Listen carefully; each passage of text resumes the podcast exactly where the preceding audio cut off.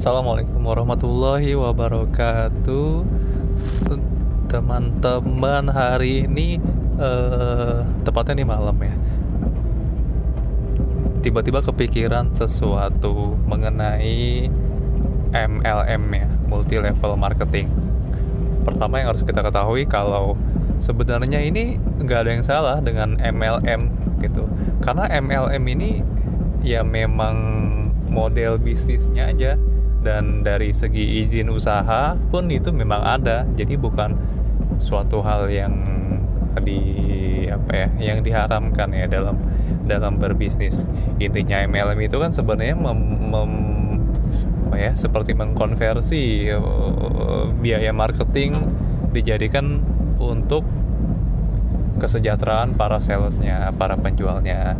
Nah pada kesempatan kali ini Eh, kita akan bahas sedikit mengenai sebenarnya hal-hal apa aja sih yang menjadi hambatan orang-orang untuk join orang ya menjadi hambatan ya untuk orang-orang join ke MLM.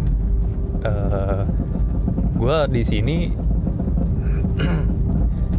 mungkin bisa ngomong gini karena sebenarnya udah dari dulu ya nggak join sih cuman banyak yang nawarin sana sini sana sini ya udah dari uh, udah dari zaman awal-awal kuliah ya ada beberapa brand yang udah nawarin sampai mungkin yang paling terkenal sekarang yang masih eksis juga si MW ya.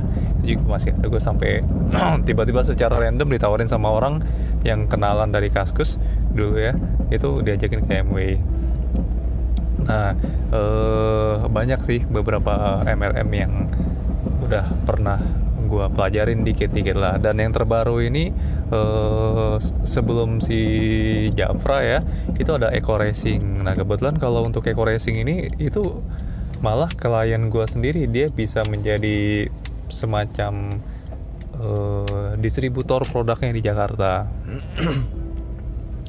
Gitu ya. Jadi untuk bahasan hal-hal apa aja yang bisa jadi hambatan orang untuk join MLM ya ski, uh, mungkin kurang lebih gue bisa menjabarkan secara lebih spesifik kali ya.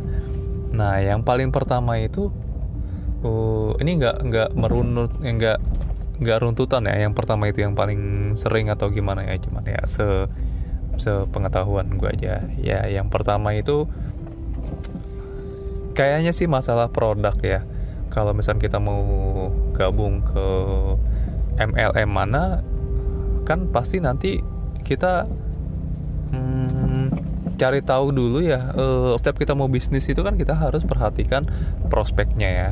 Nah, termasuk dalam kita berbisnis MLM ini pun kita harus tahu produknya seperti apa sehingga kita bisa tahu prospek untuk jangka panjangnya ini penjualannya penjualannya ini akan seperti apa akan hilang di telan zaman setelah beberapa bulan atau bagaimana itu kan bisa juga ya. Nah, itu yang e, biasanya jadi pertimbangan. Nah memang bagusnya untuk kita join MLM ini produk apa sih yang yang oke okay, yang per, yang yang perlu diperhatikan dari produk ini? Ya e, ini produk yang memang dibutuhkan. Kemudian ada potensi untuk di reorder reordernya setiap berapa bulan, setiap berapa minggu. Kemudian siapa yang menciptakan produk ini di belakangnya si si produk ini di di bawah perusahaan mana gitu dan dia sudah berapa lama. Kemudian cakupan perusahaan itu sudah berapa luas. Nah, kalau misalnya kita dapat produk yang yang dia sudah dibutuhkan dalam sehari-hari dan memang itu kita reorder terus dan perusahaannya memang udah bertahan lama udah dari dulu.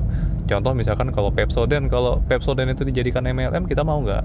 Nah itu kan kita pasti pada mau ya karena orang-orang udah pada butuh Pepsodent dan uh, perusahaan yang di bawahnya uh, yang menaungi Pepsodent juga kan kita udah sama-sama kenal udah bertahan lama banget. Nah hal-hal seperti itulah. Itu ya yang pertama masalah produk. Memang uh, produk ini jadi hal yang penting juga. Kemudian hal selanjutnya ini uh, adalah tentang berjualannya ya.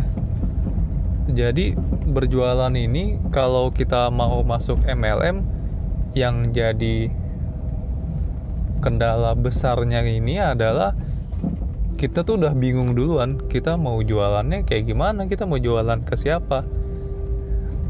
Terus nawarinnya kayak gimana? Gitu. Padahal ya uh, orang-orang itu punya potensi masing-masing ya untuk di di bidang penjualan. Nah, mungkin untuk orang-orang yang awal-awal yang kritis banget, yang banyak nanya, yang denial terus, mungkin sebenarnya orang-orang itu yang dia potensi punya potensi skill menjual itu lebih tinggi karena akhirnya nanti dia akan menemukan kendala-kendala yang dihadapi orang-orang dan gimana dia melewatinya nah itu dia bisa uh, menjadikan itu sebagai pelajaran dan akhirnya dia bisa menceritakan ke orang-orang lain. Nah itulah. Bisa jadi orang-orang yang sering denial ini sama uh, penjualan ya dia malas berjualan karena karena mungkin menurunkan gengsi atau kayak gimana gitu. Siapa tahu orang-orang ini malah yang punya potensi menjual itu lebih tinggi dibandingkan orang-orang yang udah berjualan. Karena kalau udah berjualan itu sekalinya kita jualan dan kita mendapatkan keuntungan kita evaluasi terus menerus kita akan kayak apa ya kayak semacam ketagihan ya. Kita bisa menghasilkan profit dari bener-bener jerih payah kita gitu. kalau misalnya kita kerja kan uh, ya karena kita udah dapat gaji dari sistem lah gitu kan. Kalau ini kan kita yang yang cari profitnya sendiri gitu artinya kita bisa dapat keuntungan sebanyak apa pun selama kita bisa maksimal dalam penjualannya. Nah, kalau misalkan di kantor-kantor gitu kan kalau misalkan kita cuma sebatas ya karyawan-karyawan aja kalau misalkan kita nggak mau punya sampingan ya gaji kita segitu-segitu aja kan gitu nah tapi kalau misalkan kayak orang-orang berjualan ini mereka udah pasti punya penghasilan-penghasilan tambahan yang itu bisa bisa sangat dinamis dari bisa sangat dinamis dari uh, setiap kegiatan yang dilakukan oleh uh, si penjual tersebut.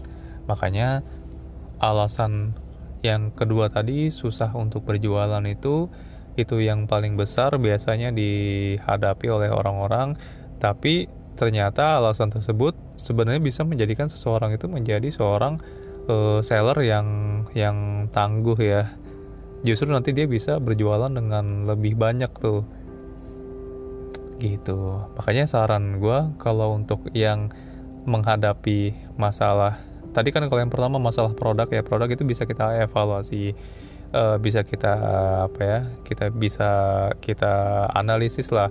Nah kalau misalkan yang masalah kedua uh, masalah berjualan itu tuh udah nggak terlalu banyak nggak perlu mikir evaluasi atau analisis segala macam itu udah kayak tinggal dilakuin aja. Nanti juga lama kelamaan kita bakal pintar jualan. Yang penting awal-awal kita jangan jangan oh, terlalu apa ya berharap tinggi-tinggi kita mendapatkan untung banyak-banyak berharap kalau nggak ada orang-orang yang menolak kita. Ya kita soft selling aja santai aja sambil belajar-belajar. Nanti pelan-pelan nanti lama-lama kita bisa sendiri. Gimana caranya menawarkan orang kemudian orang tersebut nggak bakal nolak kita. Atau ketika pun orang itu menolak ya kita udah nggak kecewa-kecewa lagi karena kita udah udah terbiasa dengan perjualan ah gitu ya. Oke uh, udah sih kayaknya gitu aja dulu pembahasan singkat ini mengenai tadi ya uh, tadi baru disebutkan dua ya. Ya next time coba kita cari lagi poin-poin yang bisa menjadi hambatan orang-orang untuk join MLM banyak sih kayaknya sih ya. Ya coba nanti kita bahas satu-satu. Kurang lebihnya seperti itu. Assalamualaikum warahmatullahi wabarakatuh